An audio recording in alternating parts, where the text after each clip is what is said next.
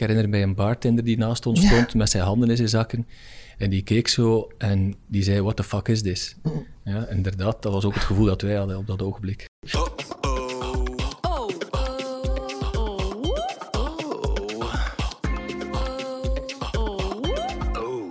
Welkom bij de podcast van Only Humans, waarin we op zoek gaan naar goede verhalen, waarin marketing en menselijkheid elkaar ontmoeten. We doen dat vandaag met Bartel van Isegem, Hans Perkie en Tim van Petegem van Live Experience Agency Meet Marcel. Als dreamdesigners maken zij elk event onvergetelijk, of dat nu een productlancering, personeelsfeest of huwelijk is. Ze waren drie jaar op rij de nummer één in het nationale eventlandschap en zijn de op één na jongste aanwinst binnen de Only Humans familie. Welkom uh, Hans, Bartel en Tim. Hallo. Hey. Um, ik ga even starten bij het begin en dan kijk ik naar, naar Bartel en, uh, en Hans. Uh, jullie zijn gestart in 2008. Um, als ik me niet vergis of goed geïnformeerd ben, van waar plots de start uh, om te zeggen van ik begin of we beginnen onze eigen agency? Ik denk dat de, de, de oorsprong van Meet Marcel vindt zich uh, een paar jaar vroeger, 18 jaar vroeger, in 1990. Dan ben ik als een van de eerste in België gestart met een event agency. Um, eigenlijk dan eerder nog organisatiebureau. En dan hebben wij een pak van activiteiten georganiseerd, waaronder ook wat promoacties. En op een gegeven moment was er een, uh, een jobstudent, Bartel van Isegem, die zich kwam aanmelden. En dan al heel snel herken ik daarin een witte raaf. En dan is Bartel stage blijven lopen, stage dan nog mee aan boord als, als medewerker. En dan finaal in 2008 hebben we besloten om, om zeg maar het aandeelhouderschap open te trekken en met een nieuwe naam en met een nieuwe wind te starten. Ja, Oké, dat was voor jou de start, Bartel, dat je er bent, bent bijgekomen. Um, waarom uh, die prikkel of, of na, na dat uh, stage lopen jouw ding van ja, dit is echt iets voor mij, hier wil ik blijven? Wel, ik ben eerder toevallig um, in de eventwereld terechtgekomen, inderdaad via een, um, een jobstudent die ik was bij, bij Hans. ergens, ja, ik denk begin jaren 2000, zoiets. Um, van waar die prikkel? Ik had heel snel het gevoel dat die sector enorm veel potentieel had. Um, je voelde eigenlijk in die periode al heel erg dat er een beweging was in dat communicatielandschap. En um, daar had ik het gevoel van, oké, ik had altijd heel erg de neiging om te kijken naar reclameagentschappen, de klassieke reclameagentschappen, een beetje vanuit mijn opleiding en zo. Maar die eventsector, die eigenlijk nogal ja, um, eenvoudig en soms wat amateuristisch was als ik startte, evolueerde echt naar een discipline aan zich. En dat vond ik eigenlijk wel interessant uh, om, om daar verder in te investeren. Ja, en dan uh, Tim, op een bepaald moment ben jij daar uh, ook bij gekomen. Welk ja. jaar was dat? Um, nu zou ik een keer moeten denken. 2007, rechtstreeks van de schoolbanken. Eigenlijk um, ja, passie voor evenementen, want tijdens mijn vijf jaar studententijd was ik eigenlijk meer bezig met dingen te organiseren dan achter mijn schoolboeken te zitten. Maar uiteindelijk heb ik mijn diploma gehaald en ik had echt een passie uh, ja, voor het organiseren van zaken. En mensen hadden toen gezegd, van, je moet echt ervaring opdoen. En toen ben ik bij toenmalige Quest Events nog terechtgekomen. En dan, uh, ja, eigenlijk onmiddellijk het gevoel gehad dat ik op de juiste plaats zat. En kijk, we zijn ondertussen uh, 15 jaar later verder, bijna. Um, en ik zit hier nog steeds. Ja. Dus, ja. en doe het nog altijd heel graag. Oké, okay, oké. Okay. Um, Hans, je zei 2008 nieuwe naam, hè, lancering nieuwe naam, uh, Meet Marcel. Waarom Meet Marcel? Of wie is Marcel? Wel, Hans, zijn grootvader. Ja, dat is, dat is, mijn grootvader. dat is mijn grootvader. Ja, ja. Uh, uh, we komen uit, uit Quest Events en, en Events was zo'n een soort tag die er op een bedrijf ging. En, en weer het idee van, jullie, uh, jullie zijn pakketverkopers, standaard pakketjes voor evenementen. Mensen komen een halve dag uh, in Brussel, Antwerpen, Brussel of Gent. En dan gaan we in de namiddag nog even uh, wat hoppen en wat leuke dingen gaan doen. En dat was zo het idee die daarop kleefde. En zoals Bartel terecht zei, in het begin waren we eerder organisatiebureau, event agency. Was het vooral zaak om logistiek goed event te organiseren. En door de jaren heen gaat gewoon meer opschuiven, meer naar het content verpakken toe. Um, dus die events, uh, dat willen wij wat meer een live communicatieagentschap zijn. We hebben eigenlijk gezegd van laten we de naam volledig gaan, uh, gaan uh, skippen. We starten van scratch. We zoeken een naam die, die blijft kleven. En inderdaad, mijn grootvader noemde Marcel. Dan dachten wij marcel.be. Dat maakt het ook heel erg persoonlijk. Um, maar dat, dat was steeds bezet. Dan zeggen we oké, laat ons verder denken. Dan zijn we bij Meet Marcel terechtgekomen. En Marcel is voor ons eigenlijk wij noemen het een beetje de karma van het bedrijf. Dus het is de spirit waarin we, waarbinnen we events organiseren, uh, bedenken. Um, maar je gaat eigenlijk Marcel nooit ontmoeten. En we hebben eigenlijk in het begin ook altijd een campagne gedaan van hele leuke evenementiële foto's, waar mensen met heel veel verwondering staan te kijken naar iets of iemand, maar eigenlijk nooit, nooit hebben, we hebben nooit getoond wie het is eigenlijk. Ja, oké. Okay. Zijn uh, cliënteel, is dat dan ook hard geëvolueerd? Als je zegt van we zijn met die nieuwe naam, nieuwe branding, nieuwe aanpak uh, weg van we willen vooral geen standaard uh, pakketten aanbieden. Is dat dan ook sterk geëvolueerd, Bertel? Ik denk het wel. Um, als we kijken naar de evolutie van de klanten bij mij, Marcel, uh, dan is dat toch vrij aanzienlijk in, in de voorbije 15, 14, 15 jaar dat we bezig zijn. En ik denk dat die insteek om dat weg te trekken van het puur praktische en te gaan zoeken naar, naar meer die storytelling, om te luisteren naar het verhaal van een brand of, of van een bedrijf of van een persoon, dat dat ervoor gezorgd heeft dat we eigenlijk, waar we vrij rustig gestart zijn, nam ook zijn tijd. Hè. Je kan niet zomaar als agentschap zeggen, we gaan eventjes onze stijl proberen te veranderen. We gaan proberen om te mikken op een ander publiek. Dat vraagt tijd. Um, en die eerste jaren was vooral op klanten die er dan waren. Ik denk aan een Centea, ik denk aan een Mobistar, eh, een Pfizer in de beginperiode. Dat was investeren, eh, proberen om duidelijk te maken hoe wij in die business stonden, hoe we het anders wouden doen.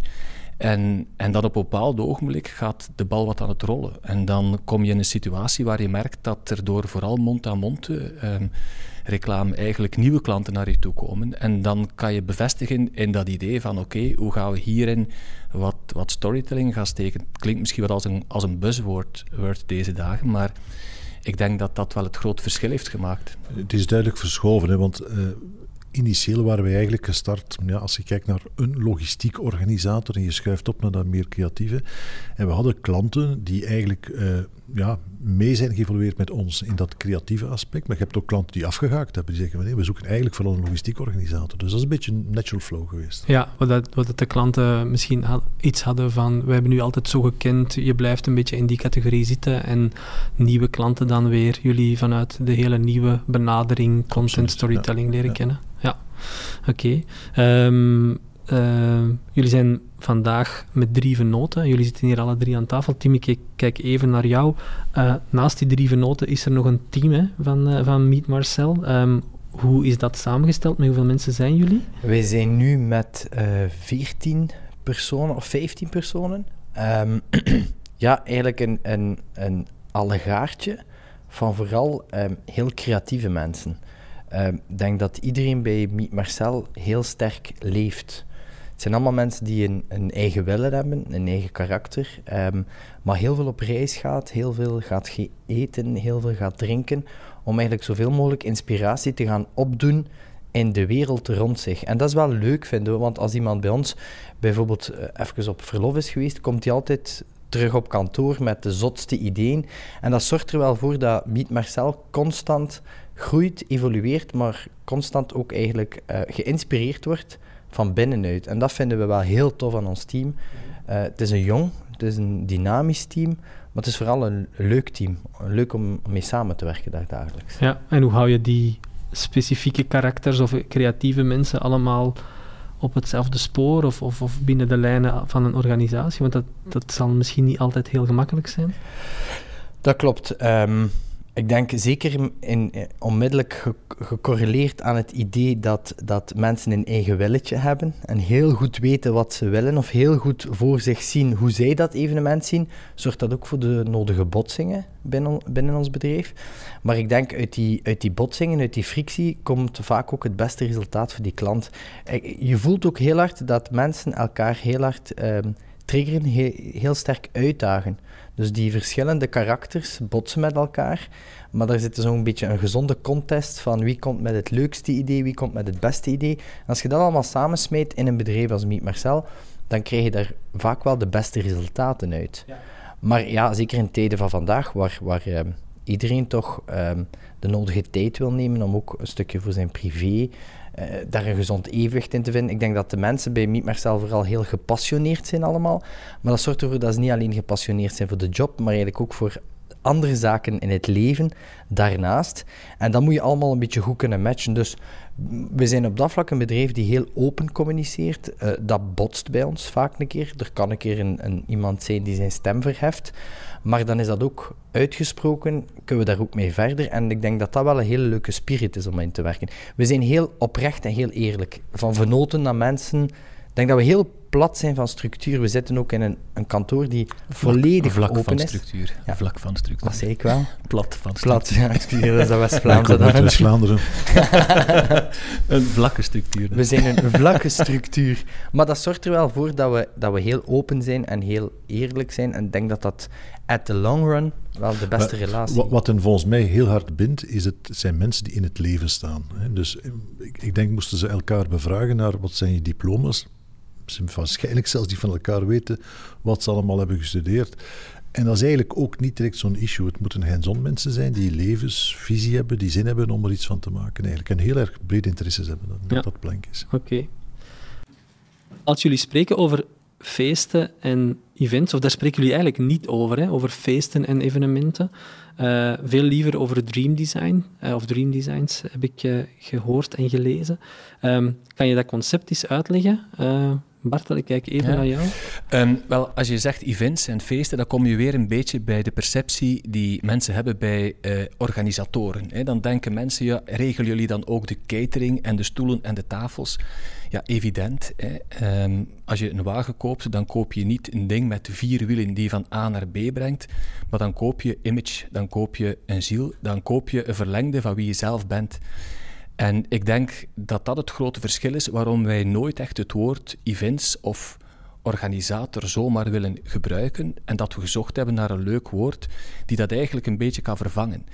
Eh, die Dream Designs komt vanuit het idee van een leuke alliteratie, die DD die erin zit, maar ook het, het punt dat je eigenlijk iets probeert te realiseren ehm, die je levenslang meeneemt. Eh, Als je eh, een, een event heeft als, als medium iets heel krachtig, dat is authenticiteit. Je maakt het echt mee. Hè. Wij kunnen vandaag in deze podcast op stop drukken. Als we dit capteren, kunnen we dat gaan monteren. Maar in een event is dat niet mogelijk. Eh, het start en het loopt tot het gedaan is. Echter kan bijna niet. En vandaar vonden wij dat leuk. Die zinspeling of dat, dat woord dream designs geeft eigenlijk het idee dat je iets beleeft waarvan je bij wijze van spreken, het klinkt nogal luguber, misschien op het einde van je leven zegt, dit vergeet ik niet, die, die 40ste verjaardag of die lancering van onze brand. Ik denk dat wij alle drie onmiddellijk heel wat voorbeelden kunnen geven, waar we zeggen, dat was een momentum die daar was, een energie van mensen samen, en we zijn het in deze coronatijden soms een beetje vergeten, ehm, die uniek was, die we niet meer vergeten. En dat is een heel sterke kracht van ons medium. Vandaar feest of organisatie, dat klinkt praktisch. Dream design, dat, dat maakt het specialer. En daar zit creativiteit in. Absoluut. Ja. Ik vind event of feest als eerder het middel om tot die dream, dreamverwezenlijking te komen. Dus, eh, Maar het is, het is hetgeen dat we ook altijd gezegd hebben. Als je het 's morgens wakker wordt en je hebt een droom gehad eh, over, over een hond, over een vrouw, over een man, dat kan echt heel lang blijven hangen bij een mens. En je hebt echt het gevoel dat je dat meegemaakt hebt. Wel, daar start meestal de organisatie van een evenement. Hoe willen we dat die mensen naar huis gaan? Met welk gevoel? En dan beginnen we na te denken, hoe gaan we dit evenement gaan uitwerken? Niet vanuit practicalities als tafels en stoelen en oppervlakte van een zaal, maar echt, hoe willen wij dat die mensen naar huis gaan? Hoe kunnen we ervoor zorgen dat ze iets beleven dat ze eigenlijk nooit niet meer vergeten in hun leven? Ja. Is dat dan ook de identiteit die je zoekt als je mensen hebt die bij jullie komen werken? Dat die mee op die golf zitten en, en niet zozeer bezig zijn met eh, het, het, het praktische en, en, Ja. en, en het logistieke? Maar wat wij doen, wij hebben geen exacte wetenschap. Ik bedoel, eh, wij weten hoeveel vierkante meter we nodig hebben per persoon, maar dat, is van die, dat zijn obvious zaken. Ik denk dat het belangrijk is dat mensen echt in het leven staan en, en zin hebben om iets van te maken. En, en dat moet zich ergens in die, in die evenementen vertalen. Hè. Dat er een logica en een, en een, en een ja, een, een, dat er gemeten wordt en, en, en, en afgemeten wordt, dat is logisch. Maar het is Ja. de, de ziel van het event. Maar we houden er wel van dat, dat mensen bij ons ook wat karakter hebben. Hè. Ik denk dat dat de basis is van een, van een event. Hè.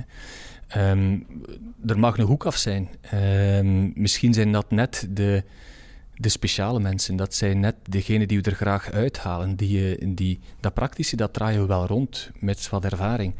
Maar uh, ik zeg vaak als, als soms studenten eens vragen wat zou een criterium zijn om, om bij jullie te werken, om iemand te weerhouden, dan, dan zeg ik, ja, ik, ik hoop dat er op een dag iemand komt die zegt dat hij eigenlijk alles kent van de rechtervleugel van een Boeing 747. Op zich vind ik het niet zo interessant, die rechtervleugel van de Boeing 747, maar stel dat die persoon 100 foto's heeft en van elke vijs die erin zit kan uitleggen waarom die erin zit, dan denk ik, oké, dit kan iemand worden.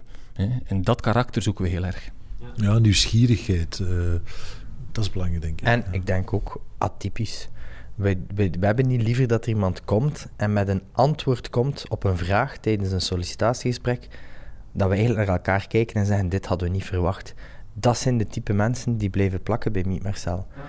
Want alles de dag van vandaag is zo mainstream, alles is zo vluchtig, alles gaat zo snel, dat je weinig nog verrast wordt in het leven. En als dan iemand, een jonge gast van 22 of 23 jaar recht tegenover je zit en je stelt een vraag van, stel je voor dat die klant dat vraagt aan jou, hoe zou je daarop antwoorden? En dan komt een antwoord op dat je zegt van, hm, van waar altijd dat? Dat blijft meestal wel plakken bij ons. Dus dat verrast worden door ons team, dat vinden wij heel tof. Ja, en het is dat verrassen dat je dan graag in die event steekt, uh, in die dream design steekt, in die ja, uh, beleving van van de klant of van, van, van de bezoekers van het, uh, van het event? Wel, ik denk dat die klant, wie dat ook is, als het nu een privaatpersoon is of, of, of een brand of een bedrijf, um, ik denk dat een groot deel van uw leven zich in uw buik afspeelt, uh, waar, je, waar je alles voelt. Dat gevoel, dat, dat is essentieel op een event. Ja. Nee? En ik denk dat dat heel belangrijk is. Ja. Je zei daarnet van, uh, we kunnen alle drie ongetwijfeld voorbeelden geven. Ik ga er eens, ik ga er vragen. Hè, of, als je zegt van, dat sprong er voor mij enorm uit, um, naar, naar beleving toe, naar creativiteit toe. Als jullie er nu eens alle drie één mogen noemen, weet het, dat is ongetwijfeld veel te kort, maar Um, kan je dan eens iets zeggen van op een of andere manier heeft, heeft dat een, een, toch wel een heel belangrijke indruk nagelaten? Hans, kijk eerst naar jou. Ja, ik heb, ik heb ooit voor Omega Pharma uh, op vraag van Mark Koeken een evenement georganiseerd van vier dagen uh, voor zijn absolute kernmanagement met partners. Waren met 16 in totaal en we zijn vier dagen hebben eigenlijk de mol gekopieerd, evenementieel gemaakt. En de mol wordt eigenlijk als format sterk gemaakt in een montagestudio. Ik bedoel, je gaat de fouten eruit knippen en je gaat maken dat die sequenties zodanig op elkaar passen dat er een spanningsveld wordt gecreëerd. Op een evenement, Bart heeft het eens aangehaald, je kan niet op die stopknop duwen. Ik bedoel, je hebt, geen, je hebt maar één kans. Het is, het is het is heel erg voorbereiden, een evenement, en dan op die knop duwen en maken dat de rollout goed is. En uh, ik ben dan, uh, we zijn eigenlijk naar Rome getrokken. We hebben twee dagen in Rome een, echt een spel gemaakt. Uh, fantastische dingen gedaan. We hebben heel veel research mogen doen. we zijn in Artena, zuiden van Rome, gegaan op een, op een heuveltop waar je enkel met ezels boven geraakt. We hebben heel dat top kunnen mobiliseren om een kooksessie te doen. We hebben het op het plein dan met iedereen met zijn potten naar boven. maar daar zat een mol in. En, en, en ja, finaal zijn we geëindigd. Ze zijn naar Firenze geweest, met de Orient Express in Venetië geëindigd. En ik weet, ik ga het nooit vergeten, we zaten uh, op het San Marco-plein te dineren. We hadden een prachtige zaal gehuurd en zat ze met z'n zestienen. En um, ze hadden mooie Venetiaanse maskers af. En dan werd er gevraagd, van er waren twee teams, of, uh, of de mol zich bekend wilde maken. En, um, en dan zijn twee mensen rechtgestaan, het masker afgenomen. En een van die uh, echtgenoten was zodanig verbaasd dat haar man zo goed kon liegen, uh, dat ze eigenlijk niet meer vertrouwde. En dat zijn zo van die dingen dat je zegt van, dat was voor ons zo'n oefmoment. We hebben vier dagen, we hebben echt zes maanden gewerkt op het evenement. Alles omgedraaid, legendes bekeken, alles wat waarom maar konden leren, geleerd, toegepast, uh, super dingen gedaan. Ja, dat blijft voor mij nog altijd, uh, ja goosebumps. Ja, ja uniek, heel uniek. Mm. Ja. Bartel? Ik zou um, dan terugkeren naar een uh, tweetal jaar geleden, um, waar de vroegere CEO, ondertussen voorzitter raad bestuur van Decospan, ons contacteerde. En hij vroeg um, mij om even langs te komen op een avond. En uh, hij zei, ik word 60 jaar, ik wil er iets speciaals mee gaan doen uh, in de maand juni. Uh, heb je zo wat ideeën? Uh, ik twijfel wat, zegt hij. Zou ik een zaal huren? Zou ik een, een tent plaatsen in, uh, in de tuin? Waarop ik zeg, Jan, eh, ik weet dat eigenlijk niet. En hij zegt, ja, maar zegt, je bent toch organisator? Ik zeg, absoluut. Ehm, maar ik weet niet wie Jan de Smet is. En hij zei, heb je een, een tweetal uur de tijd? Ehm, en ik zei, met veel plezier. Ehm, de man heeft een fijne wijnkelder. Ik herinner mij de fles Omar Buzet als wijnliefhebber en uh, Sertan de Mai, dacht ik, was de andere. Um, en die man vertelt zijn leven, hoe hij eigenlijk uh, als zijn 21 jaar uh, in het bedrijf van zijn ouders terechtkomt. Het was een, een kleinkind van een vlasfamilie uit de regio van Kortrijk, Menen. En zijn vader die komt een ongeval tegen ehm, en daardoor moet hij veel sneller dan verwacht in het bedrijf stappen. Het bedrijf die leenplaten maakt en hij bouwt het finaal uit tot wat Decospan vandaag is. Een, een bedrijf die toch wel ja, uh, met een heel sterk image onze Belgische markt ook vertegenwoordigt in dat segment, die we ook als groep ondertussen kennen. Um, en hij vertelt, het was op zich een heel gezellige avond met de hond en zijn partner mee aan tafel. En hij zegt, wat ga je nu doen? En ik weet dat ik hem zei, ik zal misschien starten Jan met een deel van je tuin om te ploegen. En hij zei waarom? Omdat ik er graag vlas zou inzaaien. Het is zo dat juni de vlasmaand is. Um, en dat legt de link naar jouw kinderjaren. Hè. We gaan ook geen tent zetten, maar we gaan een schuur bouwen. Je bent een man die eigenlijk zijn hele leven in het teken van hout heeft gezet. En um, dan, dan past daar geen aluminium of, of uh, plastic kadertent bij. Dan hebben we daar een schuur gebouwd. En uh, dan hebben we ook nagedacht van oké, hoe kunnen we daar een aantal elementen insteken. Hè. De Mercedes waarmee zijn vader destijds ooit het ongeval tegenkwam, niet exact dezelfde wagen, die hebben we daar gezet met een, met een gedicht van Peter Verelst erbij. Dat was wat bevreemdend als je aankwam op dat event, maar het legde wel de link naar een cruciaal punt in zijn leven. En ook op vlak van catering hebben we nagedacht, kunnen we hier een link leggen met wat hij graag doet, zijn favoriete houtsoort waarmee we ofiers uh, aanstaken en een leuke food pairing deden. En ik denk dat dat bijgebleven is omdat het de man zelf emotioneerde. Omdat hij zei, dit is niet gewoon een event, dit is mijn leven die hier staat. En dan denk ik, uh, mission accomplished op zo'n ogenblik. Ja, absoluut. Ja. Tim? Um, als ik er een moet uithalen, is het toch een jaar of drie geleden. Uh, de case die we gedaan hebben voor Copperhead. Um, dat was een evenement dat Bartel en ik uitgewerkt hebben. Um, en Copperhead was oorspronkelijk een, een groot evenement toen voor zijn uh, topklanten, et cetera. En dan zijn we daar een beetje verder in gaan, gaan, uh, gaan, gaan zoeken samen met, met de, de, de man achter Copperhead, uh, Ivan Vindevogel. Um, en zijn we eigenlijk op het idee gekomen van uh, hele kleine, beperkte avonden te doen met enkel top bartenders die uitgenodigd werden. Um, in het oudste hotel van België. Um, en hetgeen dat we daar gecreëerd hebben was eigenlijk een, een, een avond waarbij dat we op zoek gingen naar de echte emotie van de genodigden. Dus als je naar een evenement gaat, kom toe en weet je ondertussen eigenlijk een beetje wat gaat er gebeuren. Gaat een aperitief krijgen, gaat uh, iets drinken, gaat een hapje krijgen, we gaan aan tafel, er zal een zangeres komen zingen, eh, dan gaat de dansvloer open, we gaan feesten, etc. En we hebben dat eigenlijk volledig omgegooid. Mensen kwamen, kwamen toe Heel veel mensen kenden elkaar niet. Dat was ook een beetje de kracht van dat evenement. Maar naast die 100 genodigden zaten er nog een keer 60 mensen die ook toekwamen. Maar dat waren eigenlijk allemaal acteurs. En de mensen wisten dat niet. Dus heel dat verhaal uh, ontrolde zich, wat gekaderd in het verhaal van Great Gatsby. Um, en op een bepaald moment kreeg je het verhaal van Great Gatsby, die zich uh, live begon te ontplooien. Dus daarvoor hebben we samengewerkt met een immersive, immersive uh, theater uit Londen.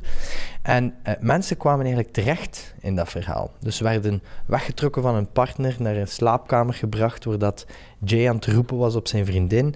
En, en het, het, het leuke aan die avond was te zien dat de mensen echt letterlijk verbaasd waren en eigenlijk heel hard buiten hun comfortzone getrokken waren.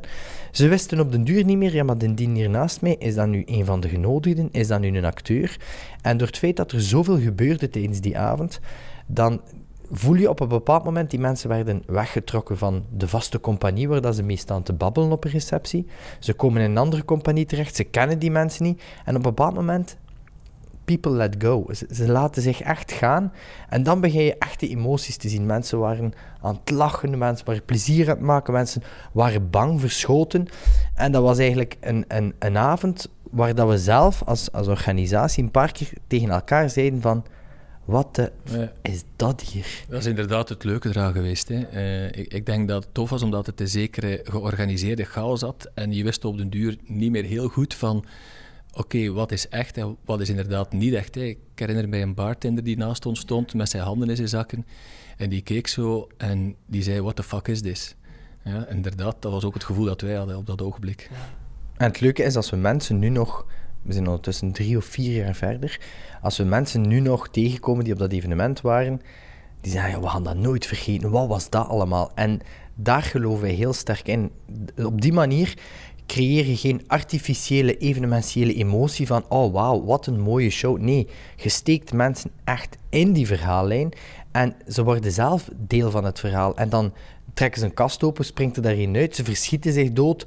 Eh, echte emoties. En dat zijn ook de momenten dat, je, dat, dat bijblijven in een mensenleven. Als je morgen nu een auto pakt en je hebt een platte band en je staat drie uur aan de zijkant van de autostrade, mensen vergeten dat niet. Want dat is net het moment dat het leven even anders loopt dan dat het alle andere dagen loopt. En dat proberen wij heel mooi te creëren, zodat er een echtheid ontstaat. Ik vind dat die Copperhead Case ook vooral een, een, een beetje ehm, een prototype is van wat het eventkantoor binnen 10 of 20 jaar zou kunnen zijn. Ehm, en dat woord immersive vind ik daar super interessant in. Ehm, er zijn zo'n aantal films geweest, hè, The Game in, in de jaren 80. Maar ik herinner mij twee jaar geleden ook Belle Époque eh, met Daniel Auteuil. Fran- fantastisch, Frans acteur trouwens. Maar ehm, die man heeft een, een, een, een vriend van zijn zoon gecontacteerd die een agentschap gestart is die tegen betaling ehm, je een dag in je leven laat opnieuw beleven. Waarop eh, hij zegt, ik zou graag terugkeren naar die zaterdagavond ergens in de jaren 60, waar ik de vrouw van mijn leven tegenkwam. En die hele film gaat dus over het punt dat hij die dag opnieuw beleeft. En ik vind dat een fantastisch idee, dat je mensen in een wereld kan brengen die fictief is en die hen doet herinneren aan wat er ooit was.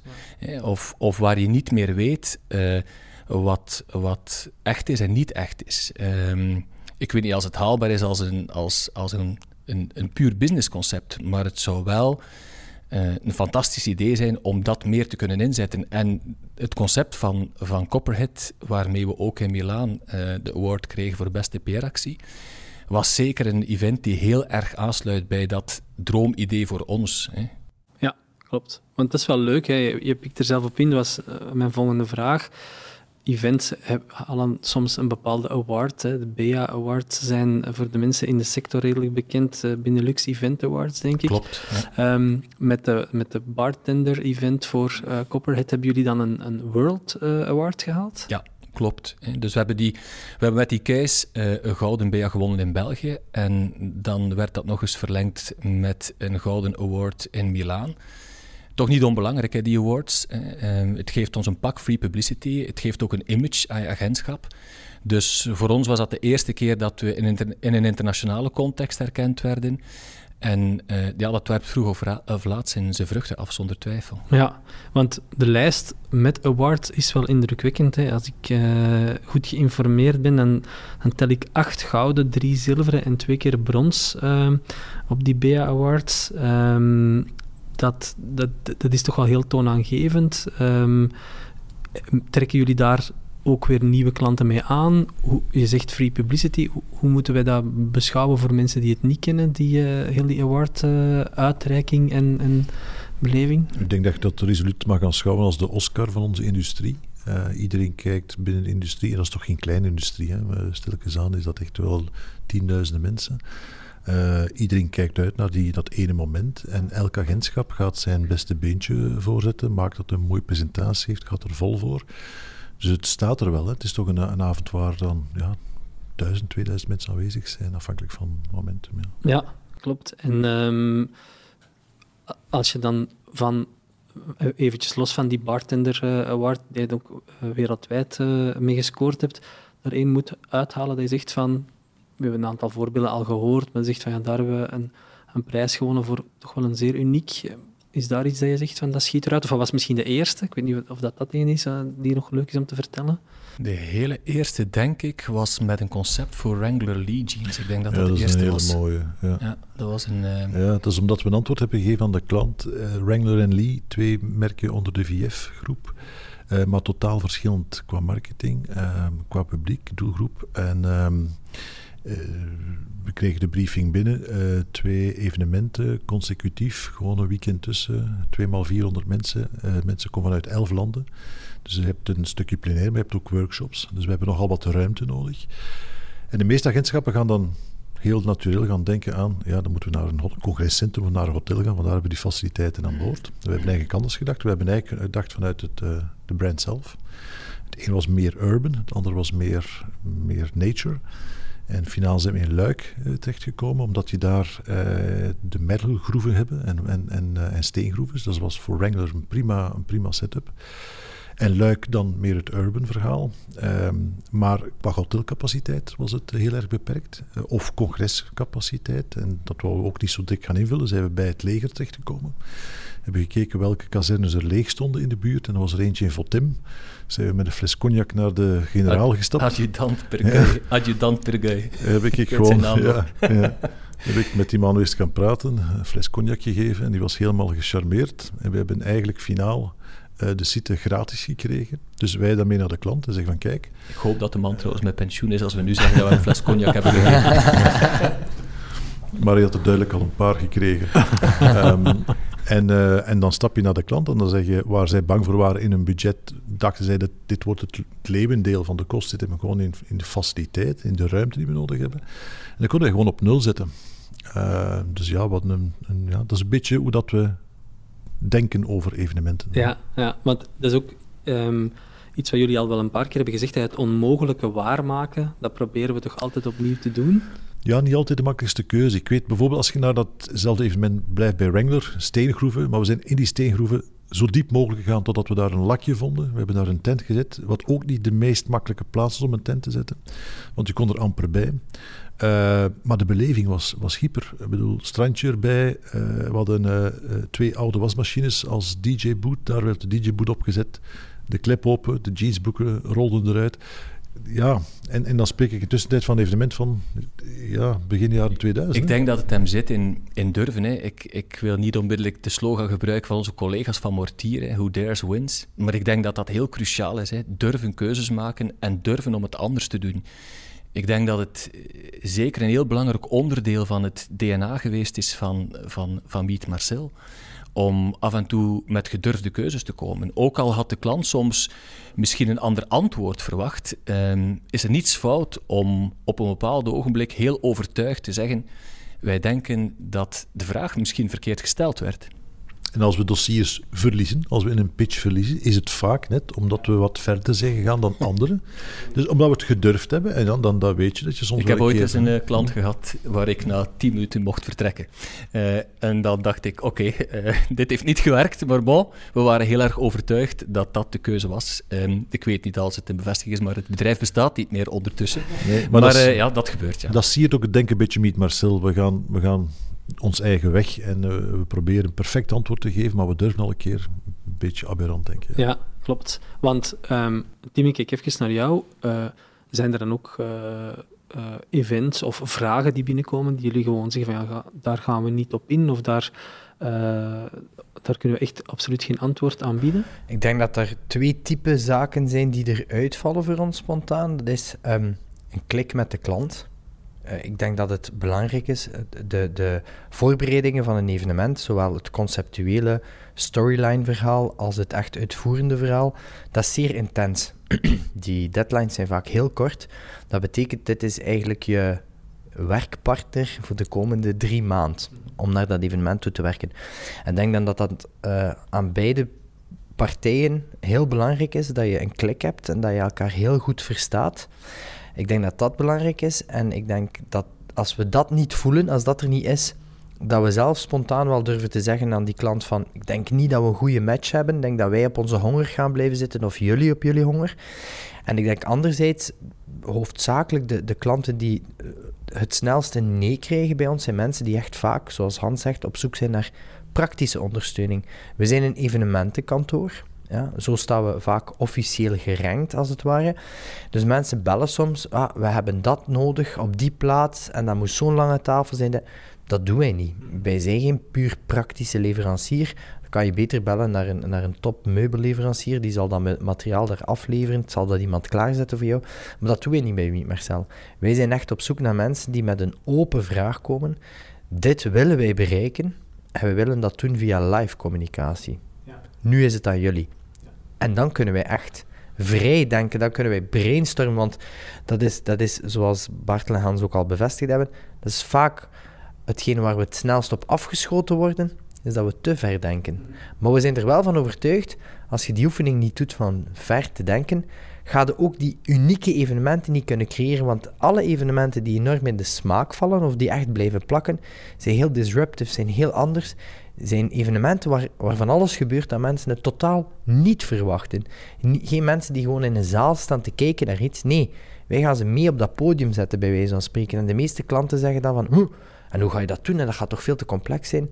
Nee, wij weten organisatorisch hoe dat we dat moeten oplossen, maar je krijgt een veel sterkere synergie. De authenticiteit van een evenement wordt veel groter als er een grote betrokkenheid is tussen de, de persoon in het publiek en de persoon op het podium. Of de persoon die zorgt voor de entertainment en die kijkt naar de entertainment. Steek die door elkaar, laat die mengen en dan krijg je ja, fantastische resultaten vaak. Ja. Um, het is misschien uh, belangrijk dan, of, of, of jullie zullen dat waarschijnlijk dan wel toepassen, om heel vaak de vraag van de klant in vraag te stellen en, en, het, en met, met de de, de briefing, zal ik het dan maar even noemen, of, daarom is die misschien niet altijd heel afgeleid, uh, daarmee aan de slag te gaan en, en op die manier het vertrouwen te winnen. Ja, ik denk dat we, dat we in de eerste fase, dat is ook een groot voordeel, we hebben een heel open communicatie intern bij Meetmercent, maar eigenlijk ook bij onze klanten. En dat, dat is denk ik ook een van de redenen dat we vooral heel veel recurrente klanten hebben. Gezonde directheid. Ja, we zijn enorm direct. Als we zeggen van, oh, die klant zegt ik wil dat, dat, dat, gaan wij eerst vragen, maar waarom wil je dat? En dan gaan wij kijken hoe kunnen we die waarom het best beantwoorden.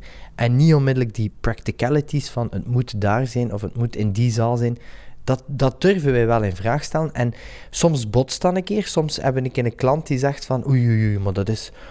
Ze doen niet wat ik gevraagd heb. Maar als ze dan terugkomen, krijgen we wel vaak de repliek van die klant. Ik ben blij dat je mij op dat moment getriggerd hebt of uit mijn comfortzone hebt gehaald. Want ik heb eigenlijk veel meer bereikt via die andere weg. En dan is denk ik de dat we soms voor klanten 10 jaar, 12 jaar, 15 jaar werken. Ik denk dat je in eerste instantie altijd een klein beetje de adviserende rol heeft. Hè. Dus elk, elkeen die een evenement gepland, die zal ongetwijfeld al een keer een aantal dingen zelf hebben opgepopt van ik wil dit en dat en dat en dat. En dan komt dat in de briefing dan, en dan denk je dat je op een gegeven moment mag zeggen van wij vinden dat misschien niet de juiste piste of het zou anders, beter of verder kunnen. En uh, ik denk dat, dat die openheid moeten wij kunnen hebben. Uh, we gaan niet zomaar nakouwen wat iemand in een briefing heeft geduwd. Ja. Um, je zei het net al, uh, Tim, een, een, heel aantal klanten blijven lang, hè, komen, komen terug. Um, daar hebben we het nog, eigenlijk nog niet over gehad. Hè.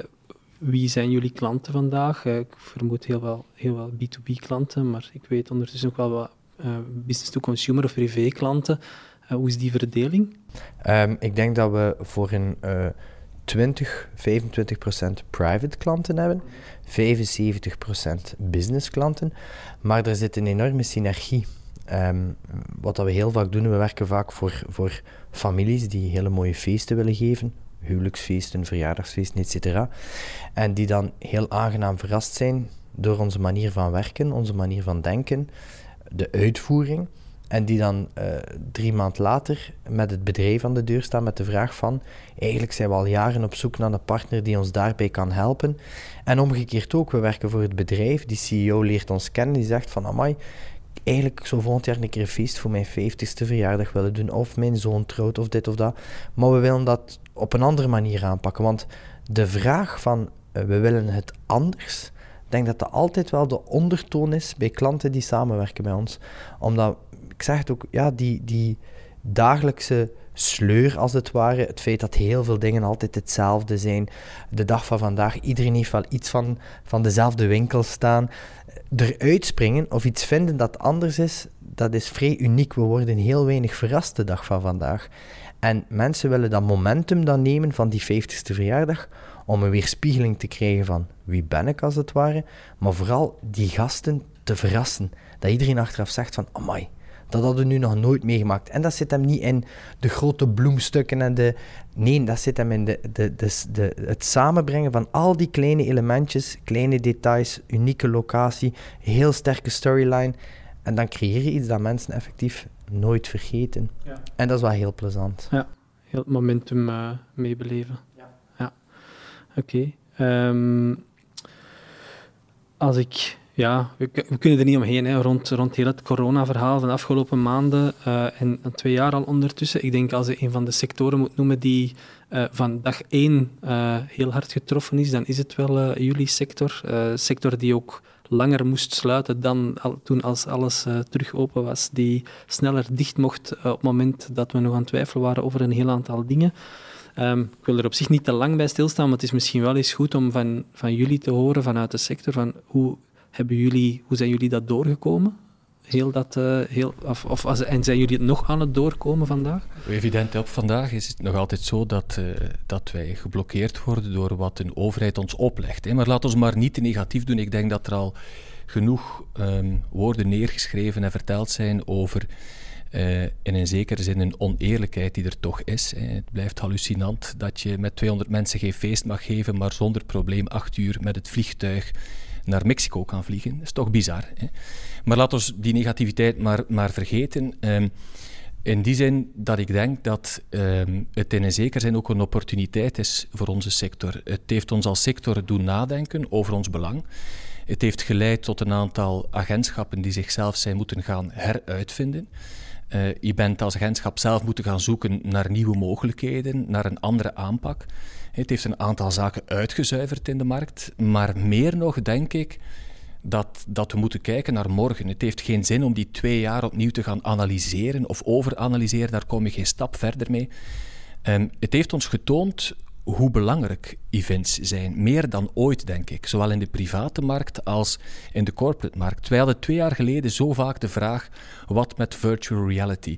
Wat met um, events die op een andere manier georganiseerd worden? Hè? Um, gaat dat niet op een bepaald ogenblik het echte werk wat aan de kant schuiven? Ik denk dat die coronacrisis ons één iets duidelijk gemaakt heeft als maatschappij. De mens, dat is een sociaal dier.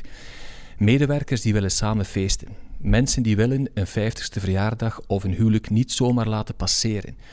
En virtueel vervangt dat nooit. Um, ik denk dat um, corona, het feit dat het vandaag ook moeilijk is om de regels te handhaven, heeft te maken met één iets. Mensen die willen samenkomen. Ja. En meer dan ooit wordt dit duidelijk. Dus dat we vandaag een stevige pauzeknop ingedrukt kregen, daar ben ik van overtuigd. Maar meer dan ooit denk ik dat wij alle drie en velen met ons in de sector één iets delen. Als het terug mag, dan staat er een fantastische tijd op ons te wachten. Ja, want jullie hebben eigenlijk um, uh, als ik kijk naar zomer 2021, najaar 2021, voelden jullie denk ik wel heel hard vanuit uh, klanten van wij willen echt alle mogelijke vandaag events. Nog altijd, hè? Ja, ja. Klanten, wij zijn vandaag volledig aan het werk met het, met het team. De, de goesting, als ik het met een, met een West-Vlaams woord mag gebruiken, fantastisch woord trouwens, goesting. Hè? Um, die is er uh, in, in, in de maatschappij, bij bedrijven, bij particulieren. Het is gewoon wachten. Iedereen staat aan de kant te trappelen om te kunnen starten. En niet starten gewoon met events, maar met het leven waarover het gaat. Elkaar vastpakken. Kijk, een, een, ik zeg dat vaak, het, het, een webcam is een veel te klein venster op de wereld erachter. En een vuistje zal nooit die kus of die handdruk vervangen. En het is dat primair menselijk gedrag die ervoor zorgt dat het gewoon een kwestie van wachten is. Een paar weken, een paar maanden kunnen we over discussiëren. Maar het komt terug en veel harder dan ooit. Ja, want er zijn wel heel wat positieve um, initiatieven ook genomen. Hans, je bent ook op Radio 1 geweest. Vanuit sector is er een Risk uh, Agency Model. Uh, COVID Event Risk Model. Ja, voilà. COVID maar ik was goed bezig. Ja, voilà. ik was het niet aan het aflezen vandaar. Um, maar uh, er zijn heel, ook heel wat positieve initiatieven geweest om het mogelijk te maken, om alle dingen te kunnen laten doorgaan. Dus er is ook op dat vlak werk verzet en zeker niet stilgestaan. Wel, als je, als je ja, geprobeerd te zwemmen en met, met de mogelijkheden. Dus wat we toen gedaan hebben, is eigenlijk ja, doel een evenement, als je zegt van um, het, het, is vrij risicovol, dan ga je zeggen, goed, we moeten proberen om het risico in kaart te brengen en dan te minimaliseren, want nul risico bestaat niet. Dus heb ik, heb een blad papier genomen en beginnen tekenen van waar zijn de risico's uh, van een evenement uh, te vinden en hoe kunnen we die gaan reduceren. En dat model heeft denk ik zijn nut bewezen vorig jaar. Uh, doet het vandaag niet meer, maar dat is ook logisch. Bedoel, het is voortschrijdend inzicht. Dus het, is, het, heeft, het heeft wel iets wakker gemaakt. Hè. CERM en CIRM. dan, de, de, de, eigenlijk is de voorloper van CST geweest. Hè. Um, dus dat was positief, maar geprobeerd natuurlijk. Ja. Je bent creatief, je hebt hoesting op zijn West-Vlaams, dus stilzitten was geen, was geen optie. En dan probeer je mee aan die kaart te, duwen en te trekken. Dus wat er, wat, het zijn ook ja, dus mijn, mijn echtgenote zegt altijd, het is niet zo slecht dat het voor niets goed is. Ik bedoel, er zit altijd wel een positief element in iets.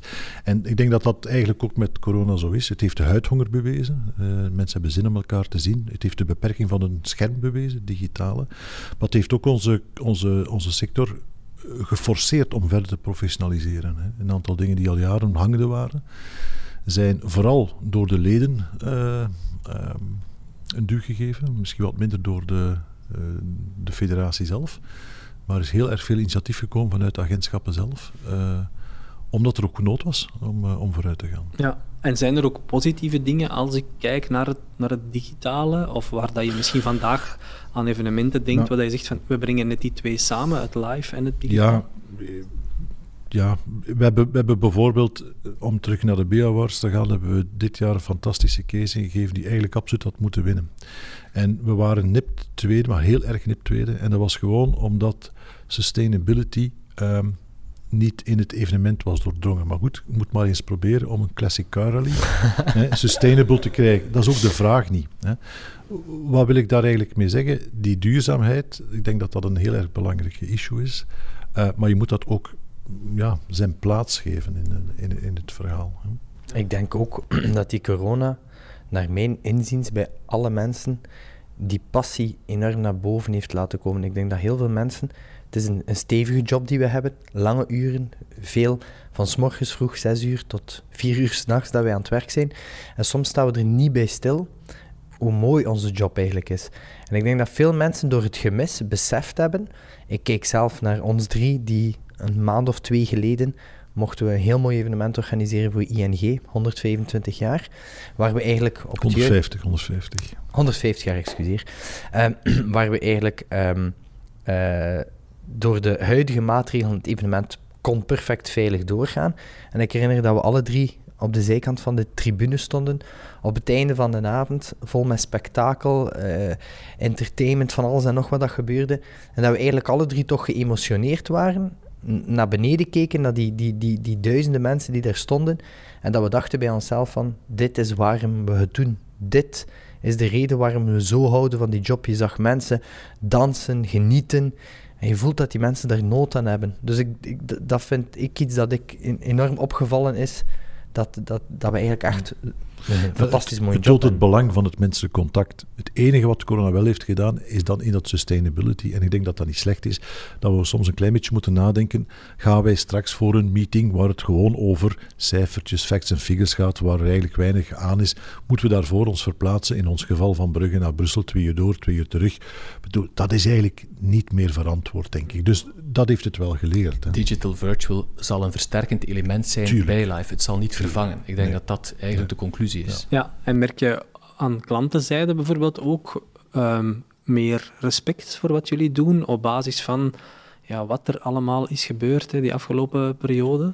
Oh, ik denk niet dat het zozeer met respect te maken heeft. Ik denk dat ze het belang ervan nog veel meer dan ooit hebben ingezien. Eh, zowel voor, voor teams als, als voor, voor uh, het in de, in de markt zetten van merken. Dus in die zin, um, in plaats van respect eerder het belang, hebben ze, hebben ze zonder enige twijfel uh, gezien. Het is ook een gemis. Hè. We voelen het ook als maatschappij. We missen dat gewoon. Hè.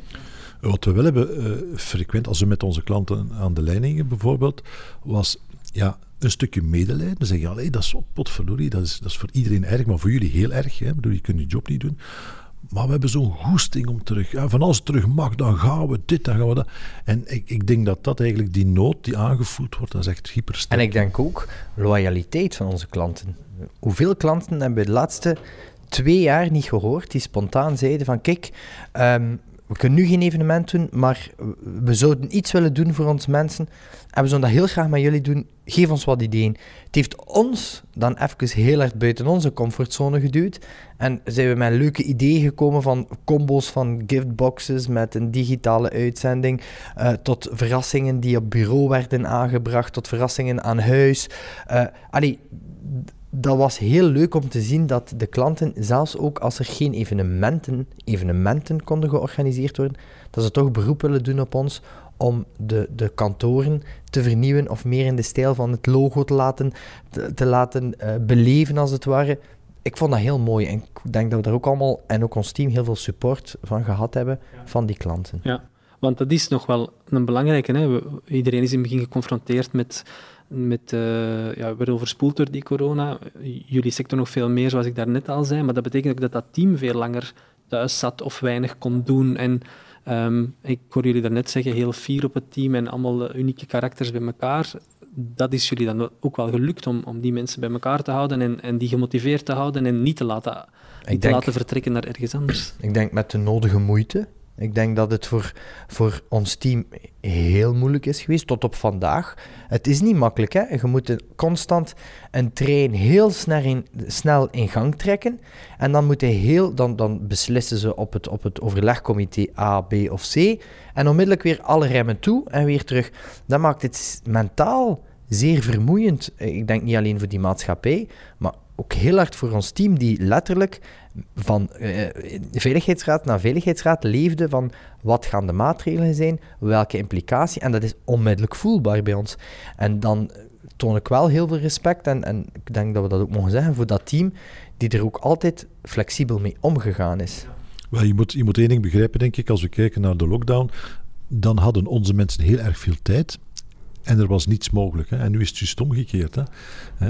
Nu mag, nu mag alles, hè, en, maar nu moeten ze veel werken. Dus bedoel, dat is echt een, uh, dat is geen evidentie. Nee, klopt, klopt, klopt. Want misschien um, om, om, om het corona-hoofdstukje af te sluiten, het is niet helemaal corona, maar heel weinig mensen, denk ik, uh, weten dat. Als je doorlooptijd bekijkt van een event, wat, ik weet dat al elk event anders is, en, maar uh, snel schakelen, uh, heel, heel veel werk op korte tijd verzetten, is al een paar keer gevallen. Waar moeten wij aan denken? Wat moet, moet ik mij daarbij voorstellen? Van, uh, ik krijg een telefoon tot het event wordt uitgevoerd. Dat kan, zoals nu in december geweest, voor een, uh, voor een bedrijf op een week zijn dat we moeten schakelen. De maandag krijgen de briefing en de week nadien, de maandag, zijn de rehearsals.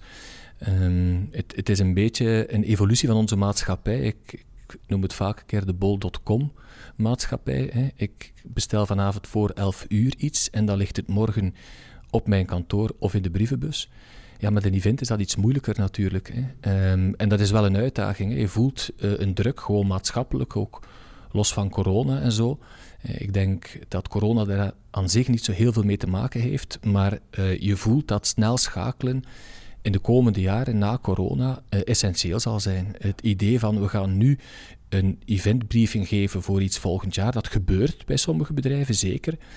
Maar evenveel cases heb je waarop het gewoon last minute is. Creativiteit kun je niet programmeren. Hè. Ik bedoel, je kunt het plannen dat je dan moet dat doen, maar je kunt niet zeggen morgen moet ik uh, creatief zijn, dan moet dat idee. Dus dat is geen evidentie. Dus het is duwen op de knop. Uh, en, en inderdaad, zoals Bartel zegt, mensen hebben het idee dat ook onze sector, dat wij kunnen deliveren op een dag tijd. Hè. Dat gaat niet als het om ideeën gaat. Maar ik denk, het, het, als, als we er een lijn zouden moeten intrekken, is dat vaak een, een klein half jaar, drie maanden. En, en, maar, maar zeker door dat corona-verhaal is dan plots positief nieuws. En de, de, de case in december beweest het, is het op een week organiseren. Maar dat is ook door corona. Hè? Ja, ja, maar ik denk een goed evenement denk ik, een maand of drie. Ja, tussen drie dan, en zes dan, dan kun je echt wel de puntjes op de i zetten. Dan kun je je leveranciers volledig meepakken in dat verhaal. Ik denk dat dat een, gezond, een gezonde timing is. Drie maand tot zes maand voorbereiding. In normale omstandigheden. In normale omstandigheden, ja. ja. Um, vorig jaar ook een belangrijk jaar voor Meet Marcel. Toegetreden tot uh, de Only Humans familie. Um, komen daar dan, uh, worden gesprekken opgestart. Uh, wat heeft voor jullie bepaald om te zeggen van we gaan die stap zetten. Dit, ik vermoed dat daar ook de klik moet geweest zijn, zoals je daarnet de klik met de klant noemde. Ik denk het wel. Ik denk um, dat, uh, dat wij eigenlijk al een hele tijd bij Meet Marcel bezig waren met een strategische oefening. En daarmee bedoel ik, hoe blijf je head of the pack? Um, we wilden vermijden dat we op een of andere manier een soort defensieve nummer 1 waren in een nichemarkt. En we hadden vooral het gevoel dat er vanuit de markt een vraag kwam, heel dikwijls naar ons. Ik denk heel concreet aan de case van eh, BNP die we binnenkregen. Um, waarop je voelt, oké, er is een verschuiving, een stuk van budgetten binnen die communicatiewereld. En dus krijgen wij vragen binnen die veel verder gaan dan de pure organisatie van een event, waar wij wel uh, in die niche specialisten in huis hebben en onszelf wel specialist mogen noemen. Maar daar komt dan plots uh, een digitale component bij, een social component bij, een employer branding campagne bij, die eigenlijk niet meer onze expertise is. En dan merk je van oké, wij worden gepercipieerd als een heel sterk um, live agentschap. En dat brengt ons vragen van BNP of van Audi, waar componenten in zitten die eigenlijk bij ons niet meer in huis zijn. En dan zijn er twee mogelijkheden. Of je gaat zelf op zoek naar een, uh, wat men heet in het vakjargon, een soort M&A-concept, waar je eigenlijk gaat kijken, kunnen we die expertises op korte termijn aan boord halen? Maar dan um, ja, kom je ook in contact, zijn er wat gesprekken. En ik herinner mij een, eh, een gesprek met Tom en Geert, uh, een, een, goed jaar geleden, denk ik. Rond de 27 januari moet het geweest zijn. Um, waar eigenlijk een duo kwam die al met die oefening bezig was. En dan gesterkt door een mortierbrigade, die toch niet het eerste, het beste um, above-the-line agentschap is in, in, in België. Uh, hadden wij zoiets van: oké, er bestaat een, een, een, gelijkaardige structuur. Er zijn mensen in de denkoefening die wij eigenlijk al een paar maanden aan het maken zijn, die, die zijn die aan het doen. Dus um, join forces kunnen we op een of andere manier die geïntegreerde aanpak, die doelgroepen die alsmaar moeilijker benaderd kunnen worden, veel minder via de klassieke wegen zoals we het eigenlijk heel lang gewoon geweest zijn. Misschien kunnen we hier die krachten gaan verenigen. En op die manier zijn wij eigenlijk uh, verder gaan spreken met Only Humans uh, en de partners. En dat gaf ons een goed gevoel. Ja, oké. Ehm, die eerste stappen zijn nu gezet. Hè. Um, jullie, uh, merken jullie daar vandaag al, of hoe ervaren jullie dat vandaag, die, die samenwerkingen met die verschillende agentschappen? Oh, ik denk dat dat een beetje zijn tijd nodig heeft. Hè. We, hebben, we hebben een aantal goede meetings achter de rug om te kijken waar de synergieën zitten. Uh, dat kan heel praktisch zijn. Dat gaat over IT, maar vooral ook over uh, klanten die we op een. Uh, wie staat dichtst bij een bepaalde klanten? We hebben het voordeel binnen onze agentschap, binnen een event agency, dat we heel vaak op CEO-level werken. Uh, dat biedt mogelijkheden uh, voor andere partners uh, binnen, binnen Only Humans. Dus het is, het is een beetje kruisbestuiving, maar dat moet zijn tijd krijgen. Je sprak daarnet, Bart, al over um, de vraag die dan binnenkwam, waar je zegt, er hangen een aantal componenten aan, onder andere ook die employer branding. Employer branding, dat is wel een van de zaken, denk ik, waar dat evenementen of events ook wel een belangrijke rol kunnen inspelen. Zonder enige twijfel. Um, ik had het al vroeger in dit gesprek over authenticiteit. Als je kijkt hoe um, mensen vandaag uh, instappen in een bedrijf, dan, dan lukt het niet meer met de fancy mini of, of de of de image BMW eh, en een goed loonpakket. Mensen willen achter eh, de missie staan, achter de waarde van een bedrijf. En dat moet echt zijn. Hè. We zijn niets meer met uh, fijne teksten, met allerhande missies die we verkondigen. Dat moet je voelen in de cultuur van een bedrijf. En laat een event die in de basis authentiek is, net het middel bij uitstek zijn om dat te laten voelen aan een team. Oké. Um, waar Only Humans ook voor staat, is het uh, menselijker maken van merken. Uh, als ik eens naar jou kijk, Tim, is dat ook iets dat jullie proberen of kunnen toepassen in events? Of dat je zegt van dat is misschien wel een goed voorbeeld van hoe dat wij dat hebben een merk menselijker hebben gemaakt in een bepaald evenement? Uh, ik denk dat, de, dat, de, dat we vooral de, een merk heel tastbaar kunnen maken op een evenement. Je, je, je kan op alle mogelijke kanalen tonen wat een product of voor wat een product staat. Maar op het evenement zelf kan je die, die klant of die potentiële klant echt matchen aan dat product. Ze kunnen het uitproberen, ze kunnen het vastnemen in, vaak, in, in, in, in veel gevallen. En dat zorgt ervoor dat je een rechtstreekse bonding hebt met dat verhaal. Wat op een digitale of een uh, via klassiekere marketingkanaal veel moeilijker is. Je zet het een rechtstreeks tegen het ander en dat zorgt ervoor dat je heel snel, dat mensen heel snel verleid kunnen worden door een product. En dat is het leuke. Daarnaast kun je ook mensen heel rap meenemen in de cultuur of de sfeer van een product of van een bepaald bedrijf. En dat vinden wij leuk. Weet je, een evenement, Bart heeft daar net ook al aangehaald, dat is zeer echt. Daar kun je niet in knippen, daar kun je niet...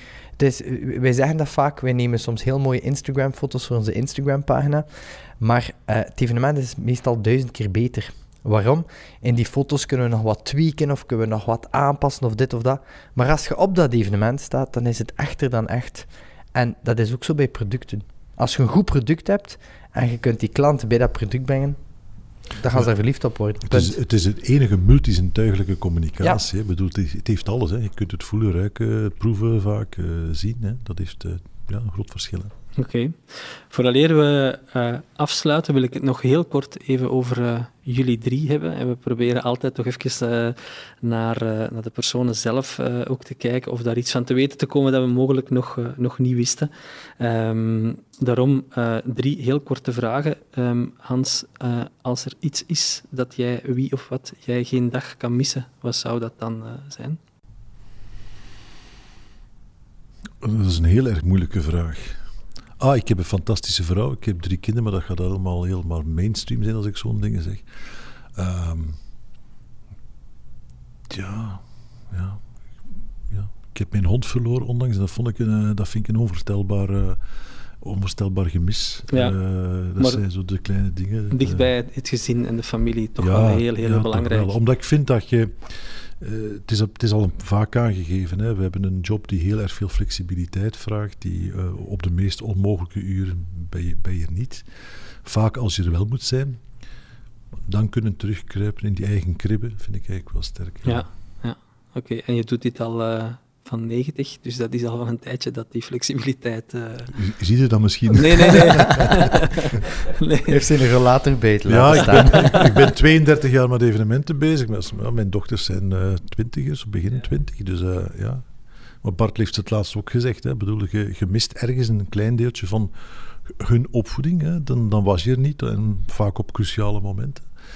Dus als dat je wat meer tijd krijgt, dan ga je daar terug gaan inplooien. En dan, uh, dan is de, de, een vriend en, en, en, en je echtgenoot en je dochters uh, en je broer. Uh, dat, dat, dat, hecht je meer en meer belang aan. Ja, absoluut. absoluut. Tim, jij, als ik naar jou moet kijken en ik zou willen vragen van hoe ziet jouw ideale vakantie eruit? Je zei net, vakanties zijn bij ons heel belangrijk, maar hoe ziet jouw ideale vakantie eruit? Um, ik denk heel simpel op, op ontdekking gaan. Uh, ik, vind, ik vind dat fantastisch om ergens te komen op een plek waar ik eigenlijk nog niets van weet. Dan heb ik altijd, uh, ik en mijn man of mijn vrienden erbij, um, heb ik dan al meestal wat boekjes bij over die stad. Ik, ik, ik ben een heel sterke citytripper. Um, en wat vind ik dan leuk? Daartoe komen, een hotel te hebben geboekt en that's it. En dan vijf dagen op ontdekking gaan. En eigenlijk ehm, dingen opzoeken, blogs lezen van wat zijn de nieuwe restaurantjes, wat zijn de nieuwe plekken, wat moet je zeker bezoeken. En het leuke vind ik altijd dat ik na een reis ehm, altijd wel uh, terugkom met een, een zak vol ideeën. Dat ik weet onmiddellijk van, oh, dat zou leuk zijn om een keer toe te passen. Of dat zou ik zelf een keer willen organiseren. Dat is voor mij de ideale reis. Ja. Heb je een favoriete stad? Um, een favoriete stad is toch wel op nummer 1 Londen omdat ik ben er ondertussen al tien keer naartoe geweest en dat blijft mij verrassen. Dat is een stad die constant verandert, die multicultureel is, waar, dat, waar dat je in de ene en linkse stap zit in een, wereld van bloesems en bloemen en, en, je zet een stap naar rechts en je zit in een kelder, in een metro waar alles een beetje edgy, een beetje kinky is bij wijze van spreken. Dat verrassende, dat vind ik waanzinnig cool. Dus. Ja, oké, dankjewel. Bartel, als jij... Uh heel veel werk hebt gehad en je hoofd moeten leegmaken, wat is voor jou dan eh, de perfecte manier om dat te doen? Goh, ik denk dat ik ehm, een man ben, eh, als ik het met een uh, West-Vlaams woord mag zeggen, die ehm, curieus is. En ik hou nogal van contrasten. Um, wat is voor mij ideaal? alles in het leven proberen te combineren. Ik ben een klassiek muziekliefhebber, maar niets fijner als je terugkeert van Flagey om even Foo Fighters volle bak in de auto op te leggen of als je stevig gesport hebt, een lekker fles wijn open te trekken. Eh, ik, ik hou ervan om mijn hoofd te laten inspireren en dat te combineren uh, met een lijf dat ik af en toe uitbundig loslaat in het zwembad. Oké, fantastisch. Um, Hans, Bartel en Tim, ik wil jullie uh, heel erg bedanken voor de heel fijne babbel. Um, we hebben denk ik heel wat uh, nieuwe dingen geleerd en ook uh, geleerd hoe jullie werken, waar het ontstaan ligt en hoe jullie met heel fijne evenementen heel, verrassend, heel verrassend kunnen zijn. Um, voor de mensen die kijken of luisteren, geef ik nog heel graag even mee dat Only Humans een maandelijkse podcast is en we zoeken dus elke maand een boeiende gesprekspartner. Ben jij of ken jij iemand met een interessant marketingverhaal? Aarzel dan niet en laat het ons zeker weten via onze social media of onze website. Wil je op de hoogte blijven? Abonneer je dan op je favoriete podcast-app en beluister zeker ook onze vorige afleveringen. Geef je ons meteen uh, ook een review of een rating, dan kunnen wij daarmee verder aan de slag. Dankjewel en tot de volgende keer.